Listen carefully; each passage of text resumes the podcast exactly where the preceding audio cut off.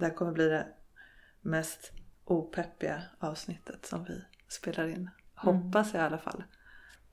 Ja, det här är Skräckologerna avsnitt 4 och idag ska vi prata om sorg.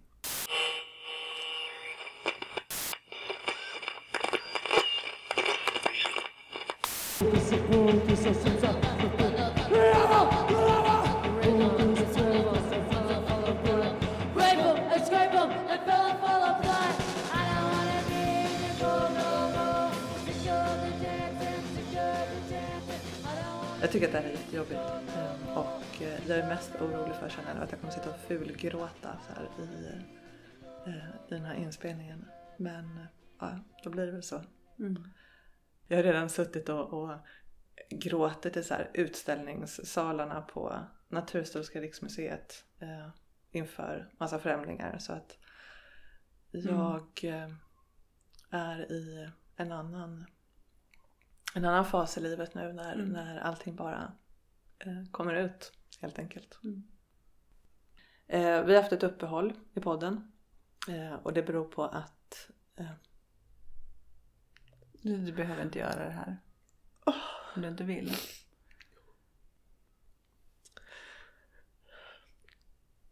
Det jag behöver göra det här för att eh, för att vi ska kunna gå vidare i det här projektet som vi håller på med. Mm. Och så, så behöver jag berätta vad, vad det är som är så stort liksom i, Mm. i livet. Och jag behöver berätta om, om eh, sorg för att jag tror att det finns det finns ett behov som kanske är större än bara min min egna sorg. Mm. Det finns ett behov av att vi pratar om svåra saker. Liksom. Eh, men min 14-åriga dotter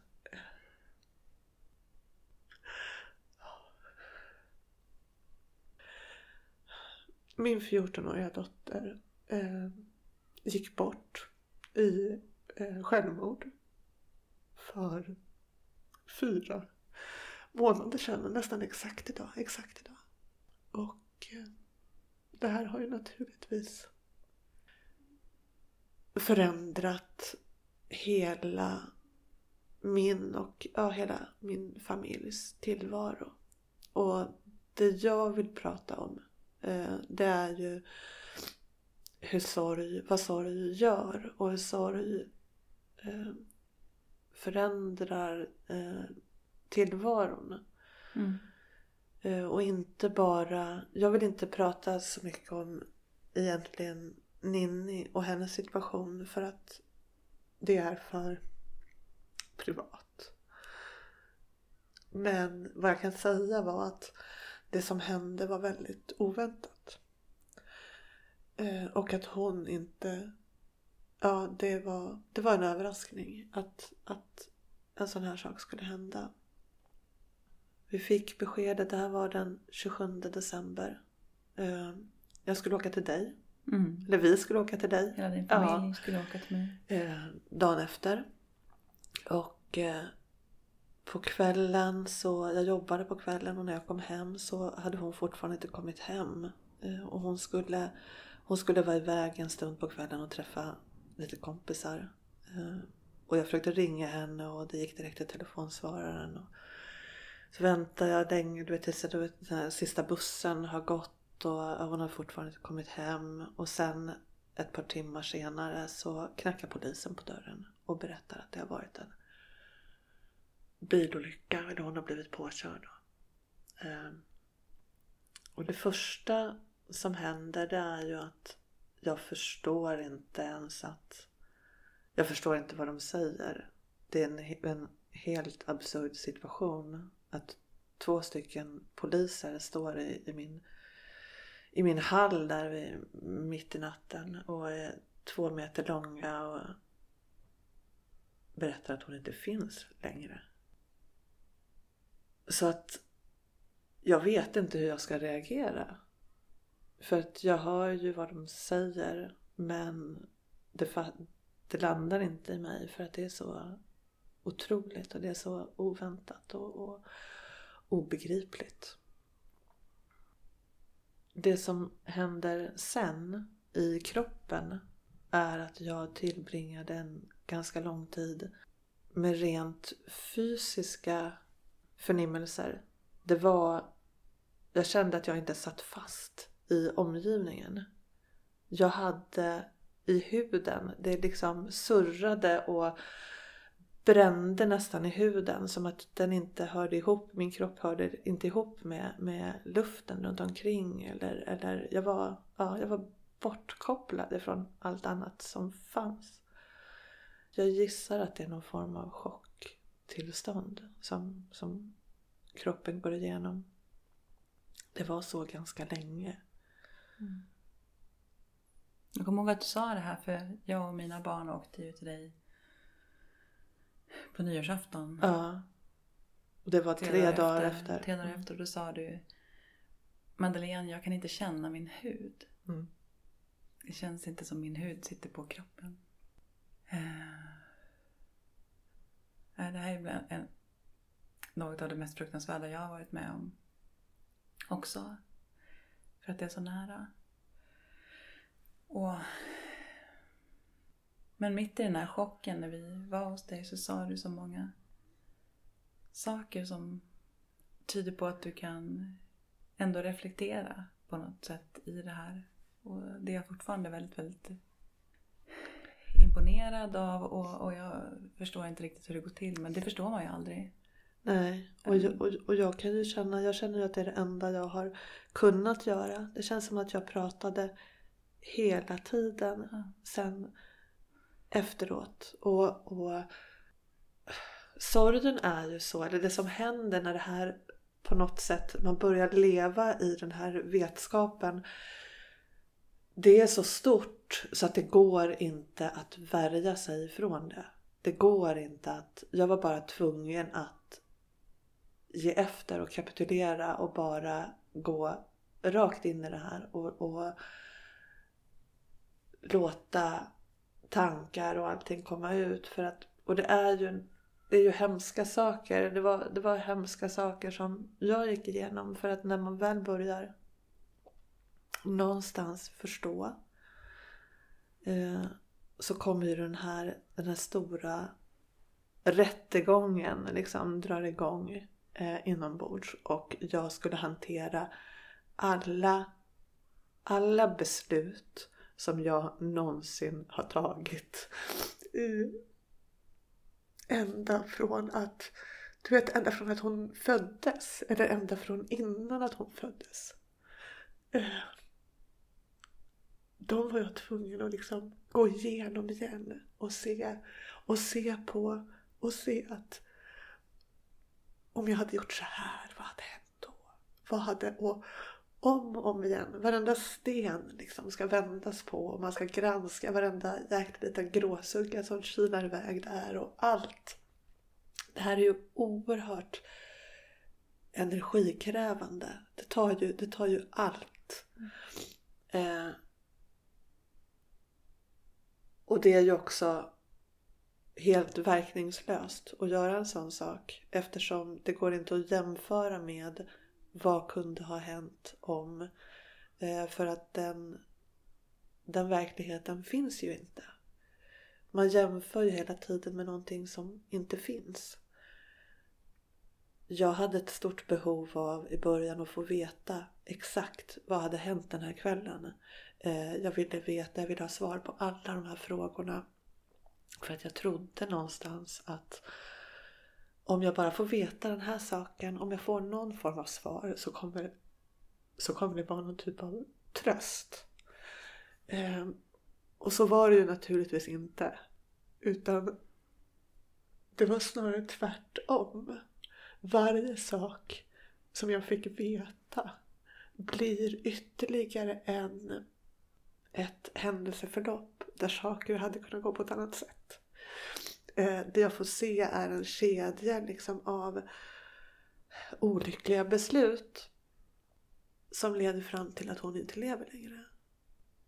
Det här var otroligt jobbigt att gå igenom och när jag, jag ägnade ju jag ägnade i princip all tid åt det här. Eh, jag hade ju och det är jag otroligt tacksam för att jag har haft möjligheten att, att faktiskt helt och hållet kunna gå in i sorgen. Att jag fick en snabb eh, samtalskontakt med en psykolog genom sjukvården.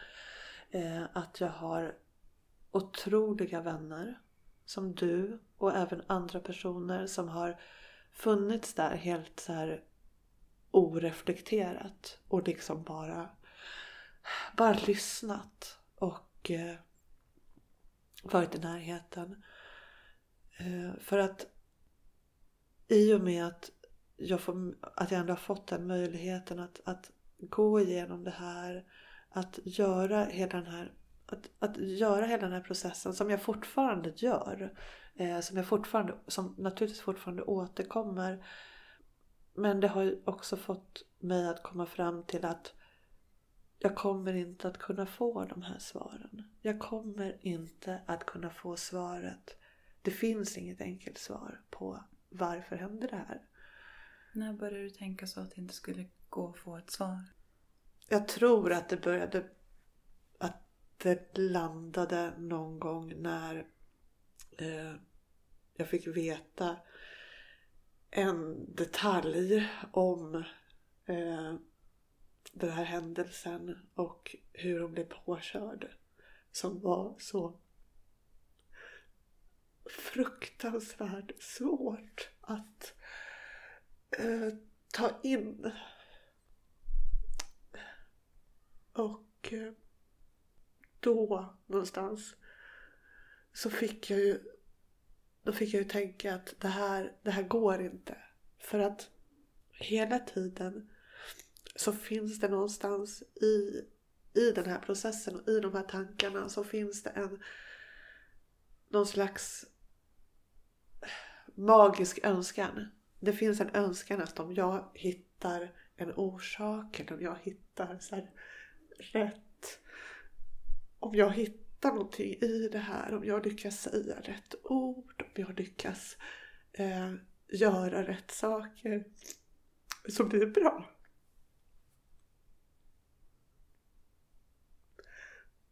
Mm. Men då kom, då kom jag fram till, eller då var det som att jag någonstans fattade, jag fattade att jag kan hålla på, jag kan hålla på och älta det här hur länge som helst. Men det kommer inte att förändra.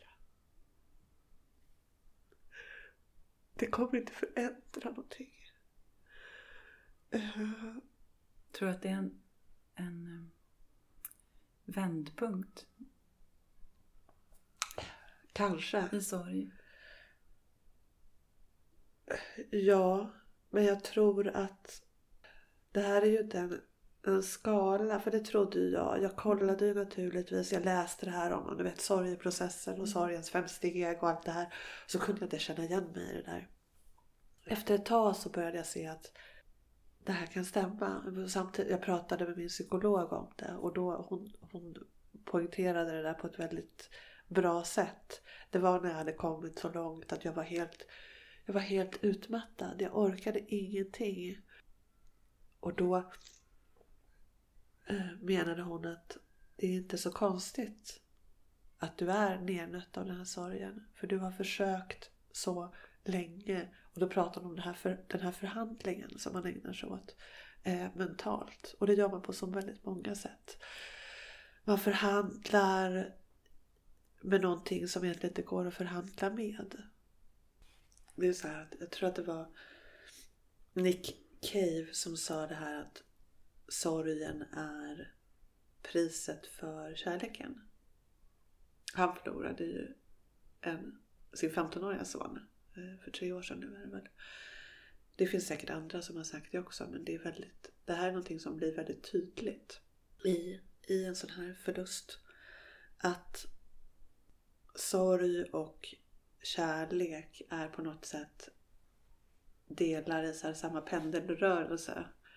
Eh, det är samma det är samma känsla egentligen på ett, på ett sätt. Det var jag väldigt medveten om redan från början och jag tänker så här ibland att jag vandrar i kärlekens skugga och eh, det kan faktiskt göra det lite mer uthärdligt. Det gör det så här lite mer lätt att eh, andas. För att jag, lika, lika mycket som jag älskar henne, lika mycket uh, sörjer jag henne.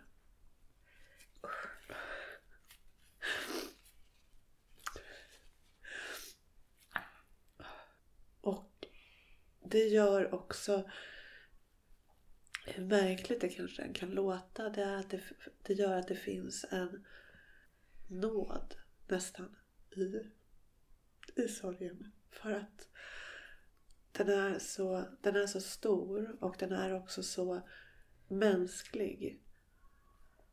För att medan kärleken på något sätt innesluter de som är i den så är sorgen sorgen är gemensam på, på ett annat sätt. Sorgen bjuder in. Hur menar du då? Jag har pratat med människor på ett sätt som jag inte har pratat med människor riktigt innan. Människor som har varit vänner och bekanta både till Ninni och till mig. Som har pratat om sin sorg. Och sorgen är gemensam på så sätt att man förstår varandra. Man behöver inte säga så mycket. Om någon säger att de förstår, att de också haft den förlusten, så vet man att de förstår. Man kan, man kan sörja tillsammans, även om vi sörjer olika personer. På ett sätt som jag tror är nästan unikt för sorgen. Att den är så, den är så mänsklig. Och så, den är skillnaden blottlägger med kärleken mycket. tänker du? Du och jag kan inte sitta och känna gemenskap när vi, om vi sitter tillsammans, du och jag, men är kära i varsin person. Nej. Då kan, det, det skapar inte ett band mellan oss. Nej. Men om vi sitter tillsammans och, och har en förlust eller en sorg över varsin person så kan vi ha en gemenskap i det. Och just den här öppenheten som jag har stött på hos människor. Människor som har pratat om självmordstankar som de inte har berättat för någon annan. Många svårigheter som det skulle de aldrig ha pratat om. Och det är också det som får mig att tro att vi behöver säga de här sakerna. Vi behöver visa för varandra att vi bär sorg i våra liv. Vi har ju pratat mycket, flera månader, Ja. om huruvida vi ens skulle fortsätta med det här. Huruvida vi skulle fortsätta podda. Om du skulle fortsätta skriva alla möjliga saker. Om vi skulle... Om det här är värt att göra. Och jag pratade om det idag också, om du verkligen vill göra det här. Mm. Men du har hela tiden insisterat att ja, jag ska göra det när jag är redo. Mm. Och, för jag tror att det har betydelse. Mm. Vad menar du då? Vad kan andra lära sig? Eller vad kan andra bära med sig av att höra om det här? Som har hänt dig? Jag vet inte om, om man kan lära sig så mycket av det men jag tror att man kan få en känsla av att eh, det är svårt att vara människa. Eh, vi, har, vi har sorger. Vi är sköra.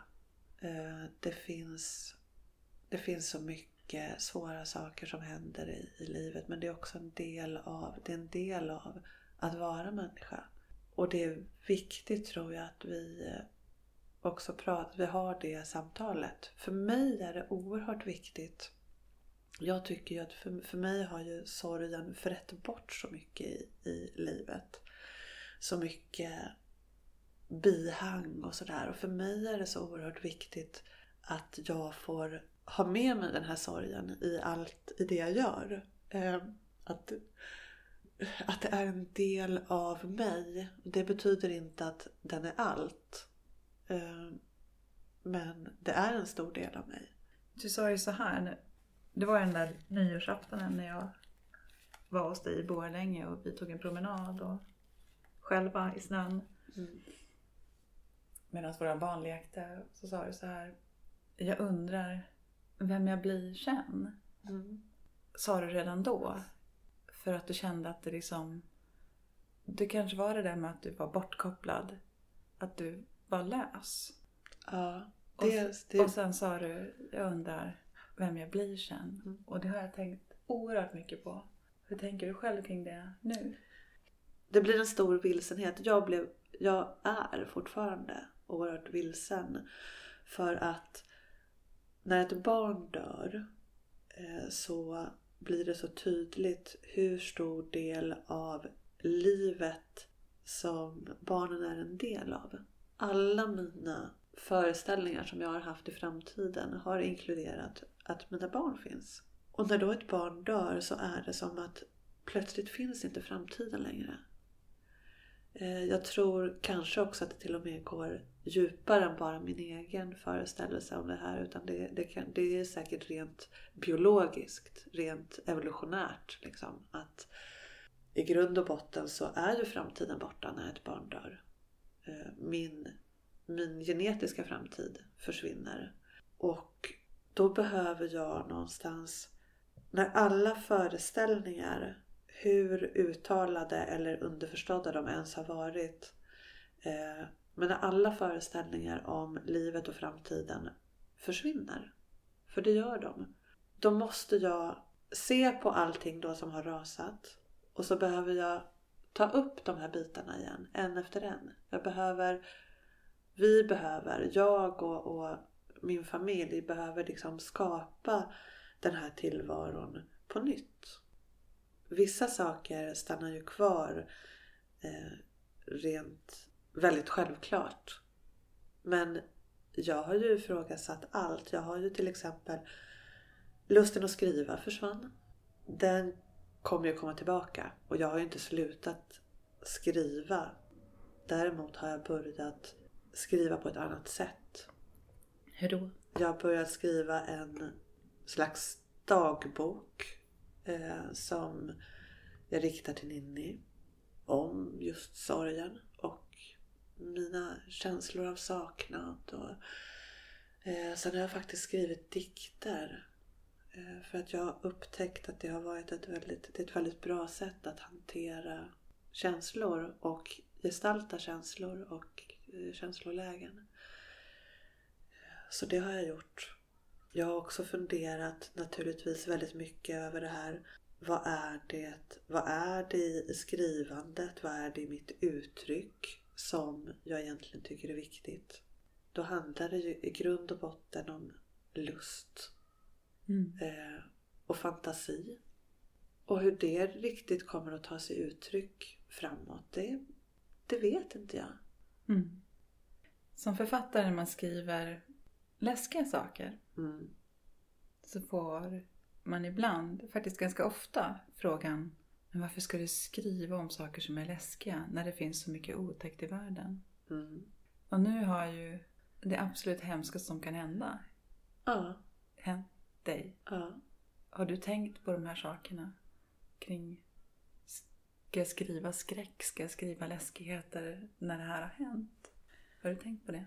Jag tror ju, och det har jag trott tidigare och det tror jag fortfarande, att skräck eller mörka berättelser har ett syfte för oss människor. Eh, just att hantera de här svåra grejerna. Jag tror att det fyller en ganska viktig funktion för oss att på något sätt se de här bitarna i livet som faktiskt finns. Eh, och kanske till och med lättare för att verkliga hemskheter är, de är verkliga. Vi kan inte pröva vår fantasi eller vår egen, vårt egen förhållningssätt eller våra egna reaktioner på verkliga händelser. För de är verkliga. Det, det hade varit fruktansvärt spekulativt att göra det. Men när det gäller eh, påhittade historier så kan vi göra det. Där kan vi rysa, där kan vi få utlopp för de här sakerna. Jag såg eh, Hereditary eh, kanske två månader efter att hon hade dött. Och eh, jag tyckte ju att det var en fruktansvärt bra film. Och jag var ju säkert, eller jag- var ju naturligtvis eh, färgad av det jag befann mig i när jag såg den.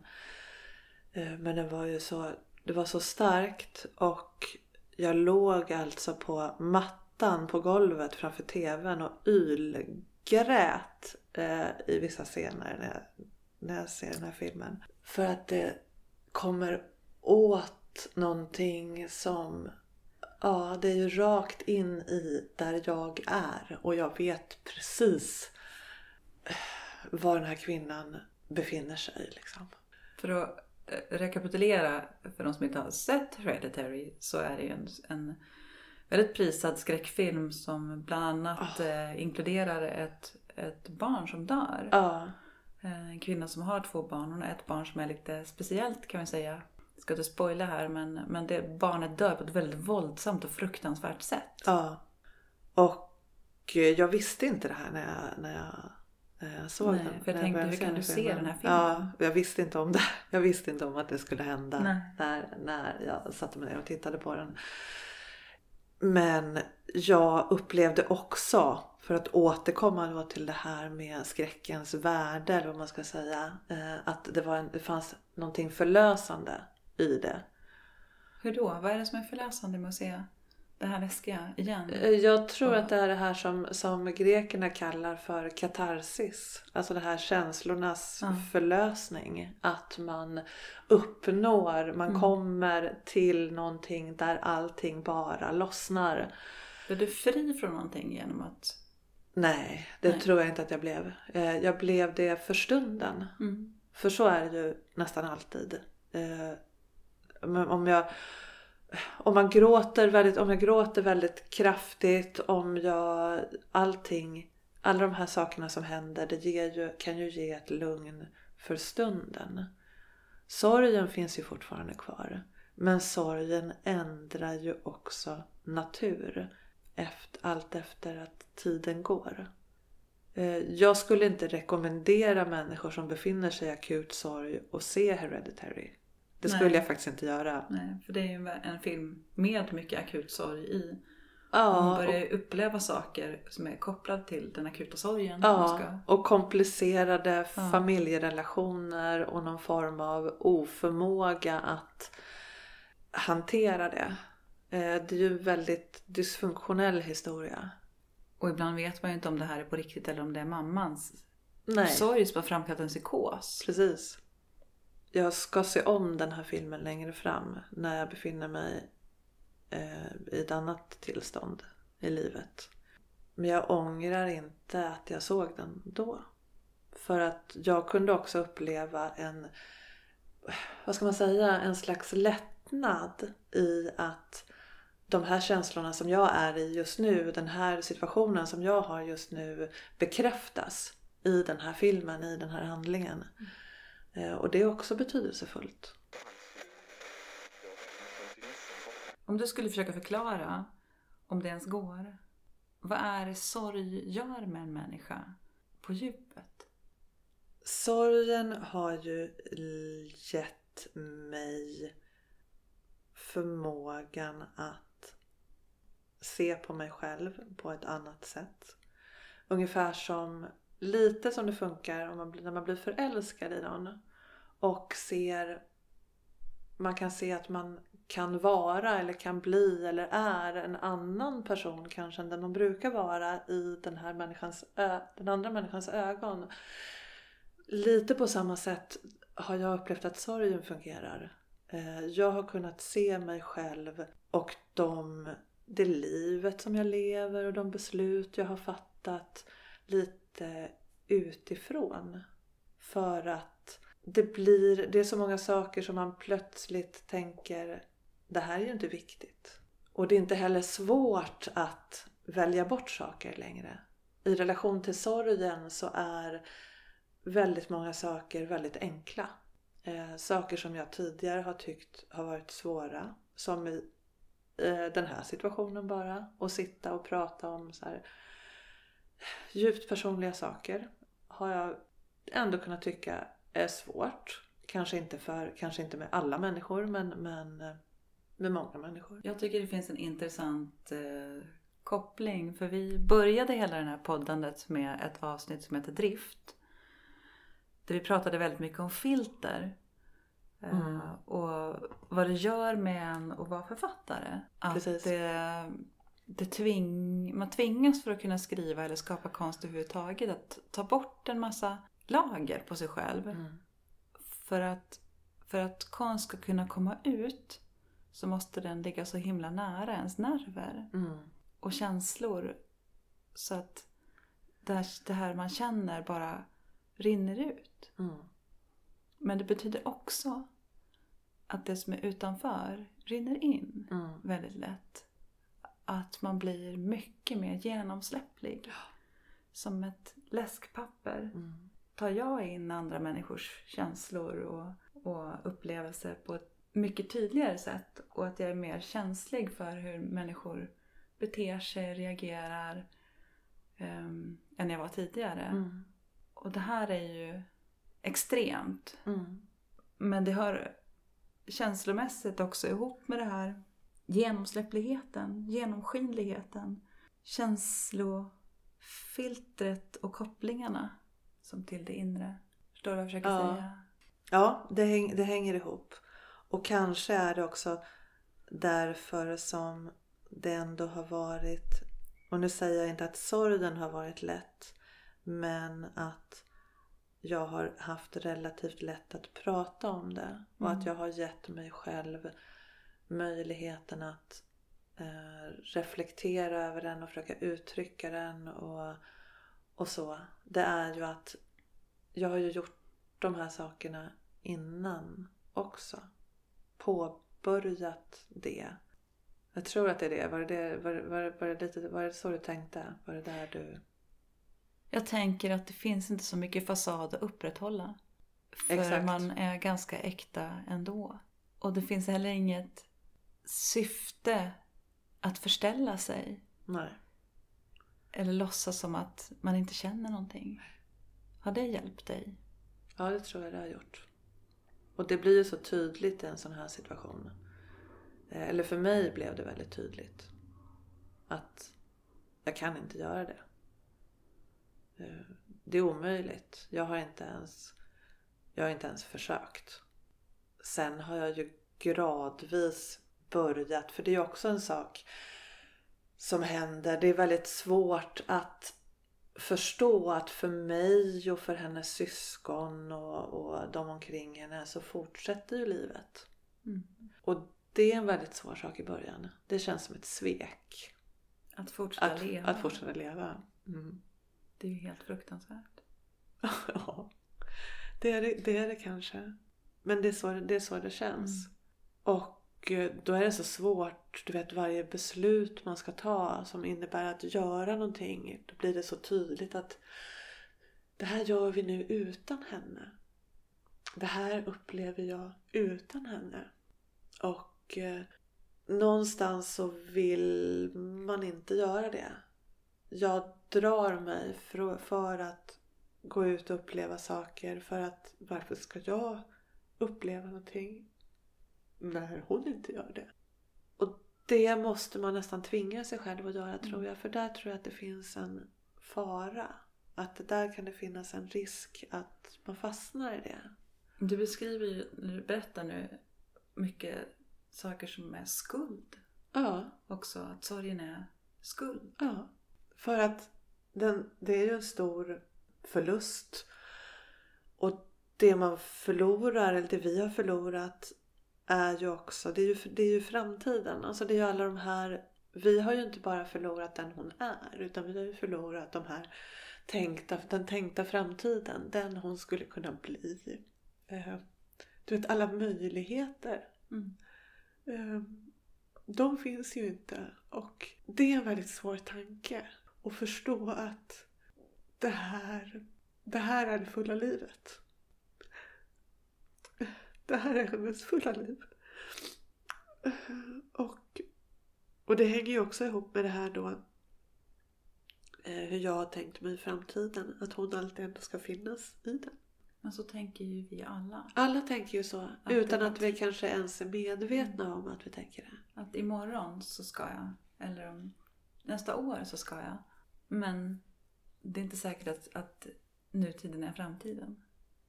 vi har ju de liv vi har och vi vet oftast inte när våra liv ska ta slut. Och det är ju någonting att vara tacksam för, skulle jag säga.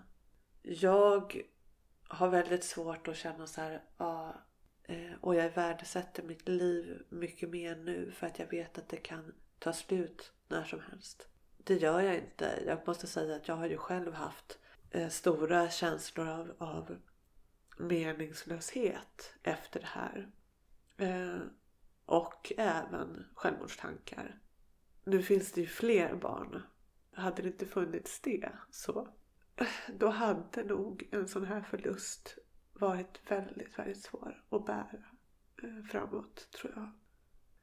En annan sak som faktiskt har hänt mig, hur, hur sorgen och ett nära dödsfall förändrar, förändrar en som människa, det är ju att jag jag har haft väldigt lite ångest. Det var ju också någonting vi pratade om där Mm. i, när det gällde driften och just det här att komma nära sig själv och så. att, att eh, Men sorgen har ju liksom raderat väldigt mycket ångest. Jag känner att det finns inte så mycket att ha ångest. Alltså de här, det här allmänna ångestsyndromet. Det var en sån här generellt ångestsyndrom. Syndrom, när man inte precis. riktigt vet vad det är som man går runt och Ja. bara mår dåligt över. Det, Ja.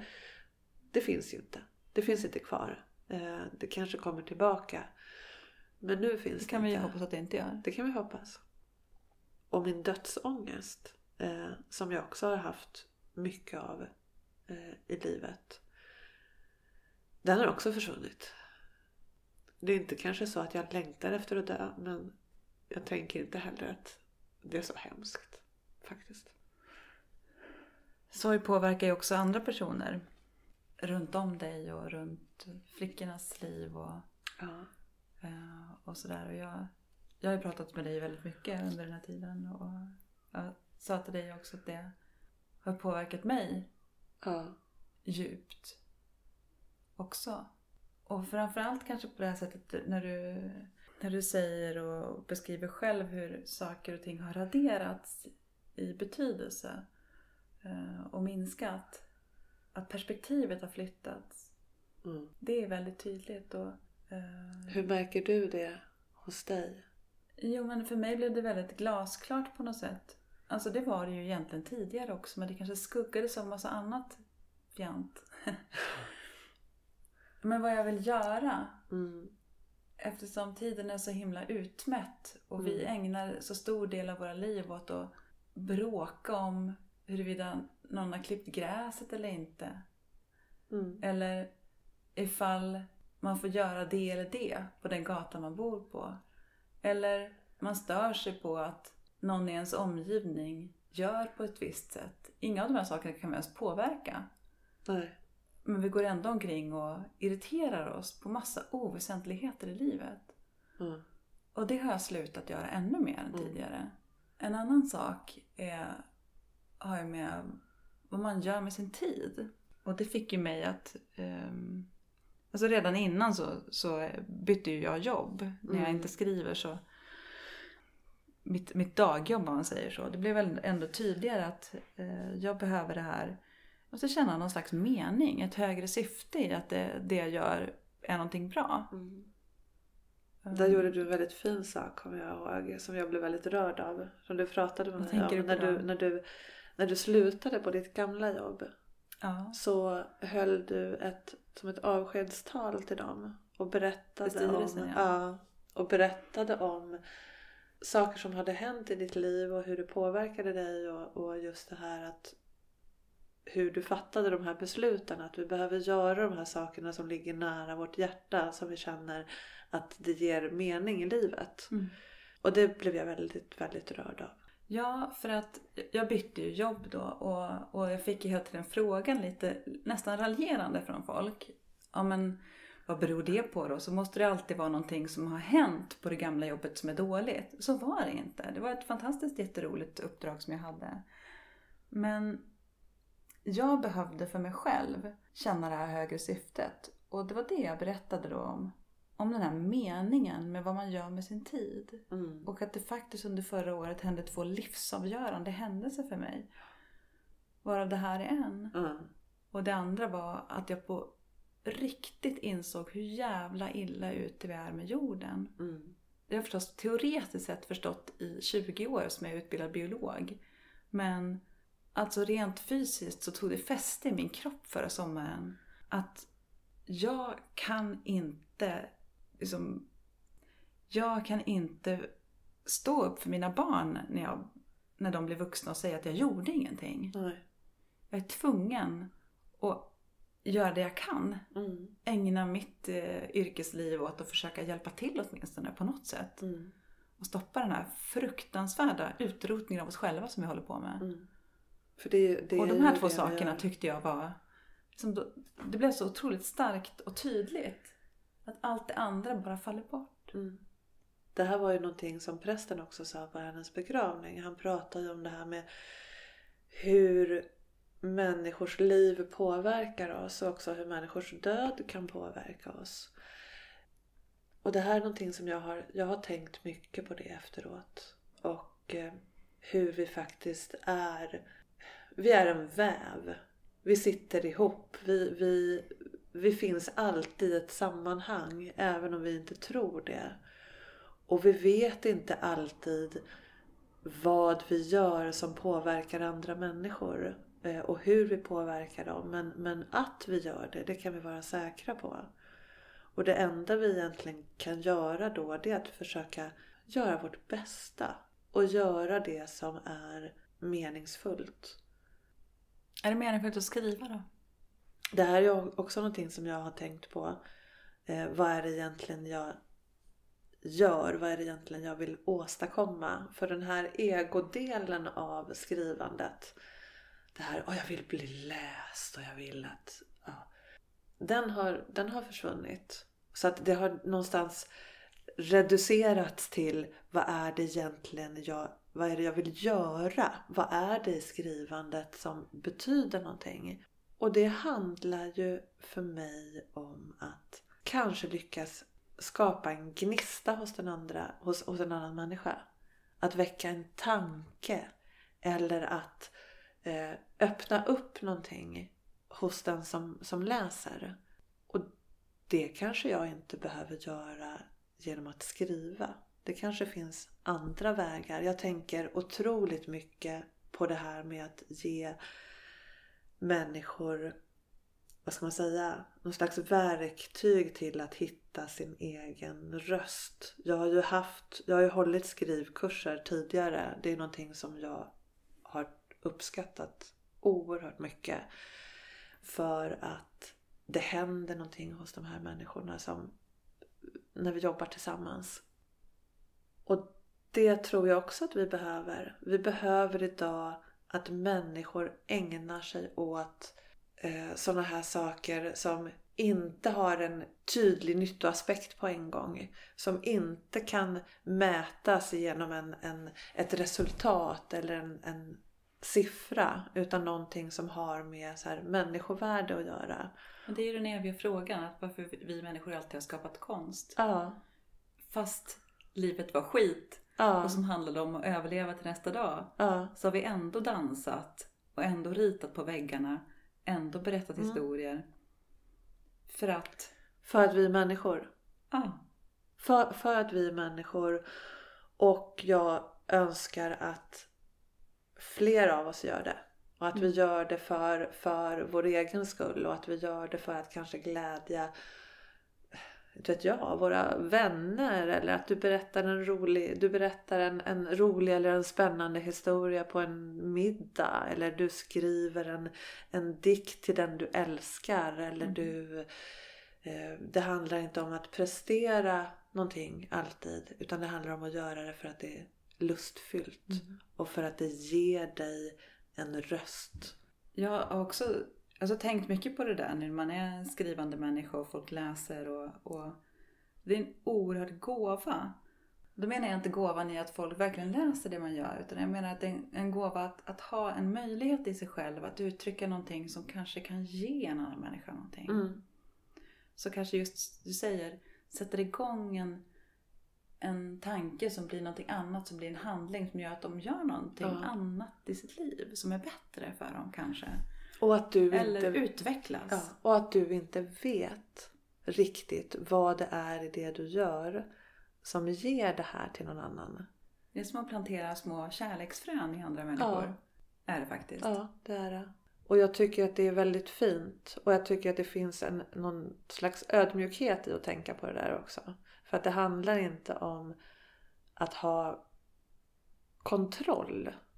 Det handlar inte om att, vad ska man säga, manipulera andra människors känslor. Utan det handlar om att ge någonting av sig själv och se vad det blir när det kommer ut i världen. Egentligen är det faktiskt ganska fantastiskt att det finns massor med människor runt om hela jorden som sitter och skapar saker som vi andra får uppleva. Eh, och som lägger tid på det. Att liksom ta små bitar av sig själva och, och sin själ och visa upp dem för världen så att vi får också se det och bli lite förändrade Ja. och lite upplysta. Ja. Det är helt otroligt. För det är, ju det, det är ju det vi gör. Att man kan ju leva hundra liv genom eh, kulturen. Mm. Och då är det inte bara litteratur utan eh, musik och Mm. konst och allt det här som ger oss ett vidare perspektiv. Mm. Som gör våran själ klokare. Och kanske lite sådär ödmjukare hoppas jag. För det är också någonting jag har tänkt på mycket nu. Att, att jag har ju ganska starkt hävdat min den här, den här vetenskapliga eh, livshållningen. Jag kan inte säga att jag har blivit en religiös människa idag. Men däremot så är det ju så här att det finns ett mysterium i våra liv. Det finns ett mysterium i livet kanske jag ska säga. Döden i sig är kanske inte ett så väldigt stort mysterium. Om någonting går sönder och inte längre fungerar.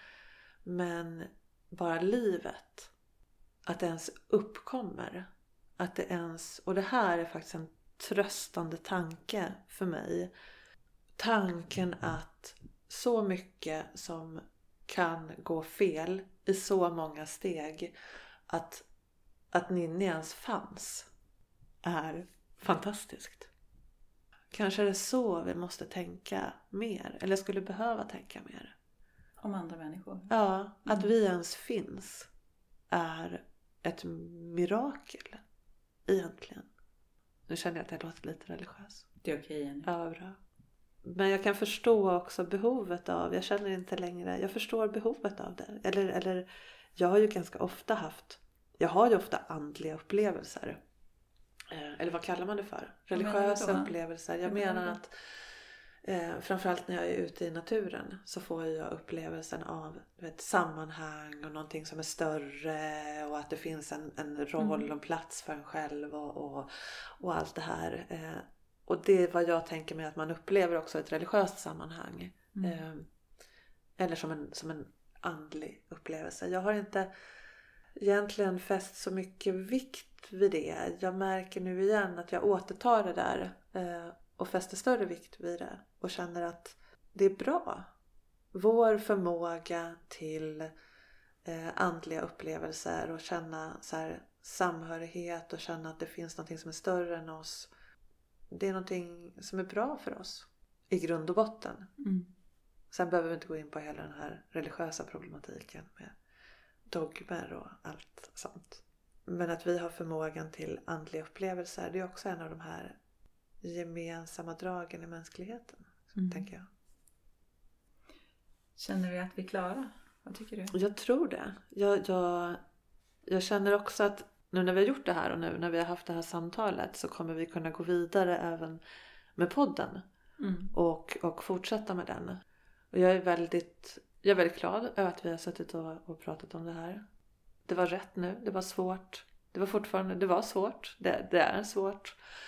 Eh, men det var rätt att göra det här nu och kunna, och kunna gå vidare. Och att jag har kunnat få säga att det här har jag med mig. Och det här kommer jag att ha med mig framåt. I Mm. vad än jag gör så kommer ju det här att finnas. Liksom. Vi kommer fortsätta vara skräckologer. Ja, det kommer vi vara. Vi kommer vara lite förändrade. Ja. Men det är, det, det är sånt som livet gör. Ibland tänker jag också så här att livet kanske bara egentligen är en enda stor förberedelse för döden. För att man inte ska vara rädd för att dö. Utan man bara ska känna så här, skönt. Nu, nu är jag klar. Och vi som ägnar oss väldigt mycket åt död då. Vilka är vi? Är vi de här Hades förberedande små dvärgar? Är inte det som är så här, av, avgrundens utforskare? Avgrundens utforskare. Mm. Det är vi som är de. Det är vi som förbereder er för döden. Det var bra. Häng, häng med oss nästa gång. Det blir också kul.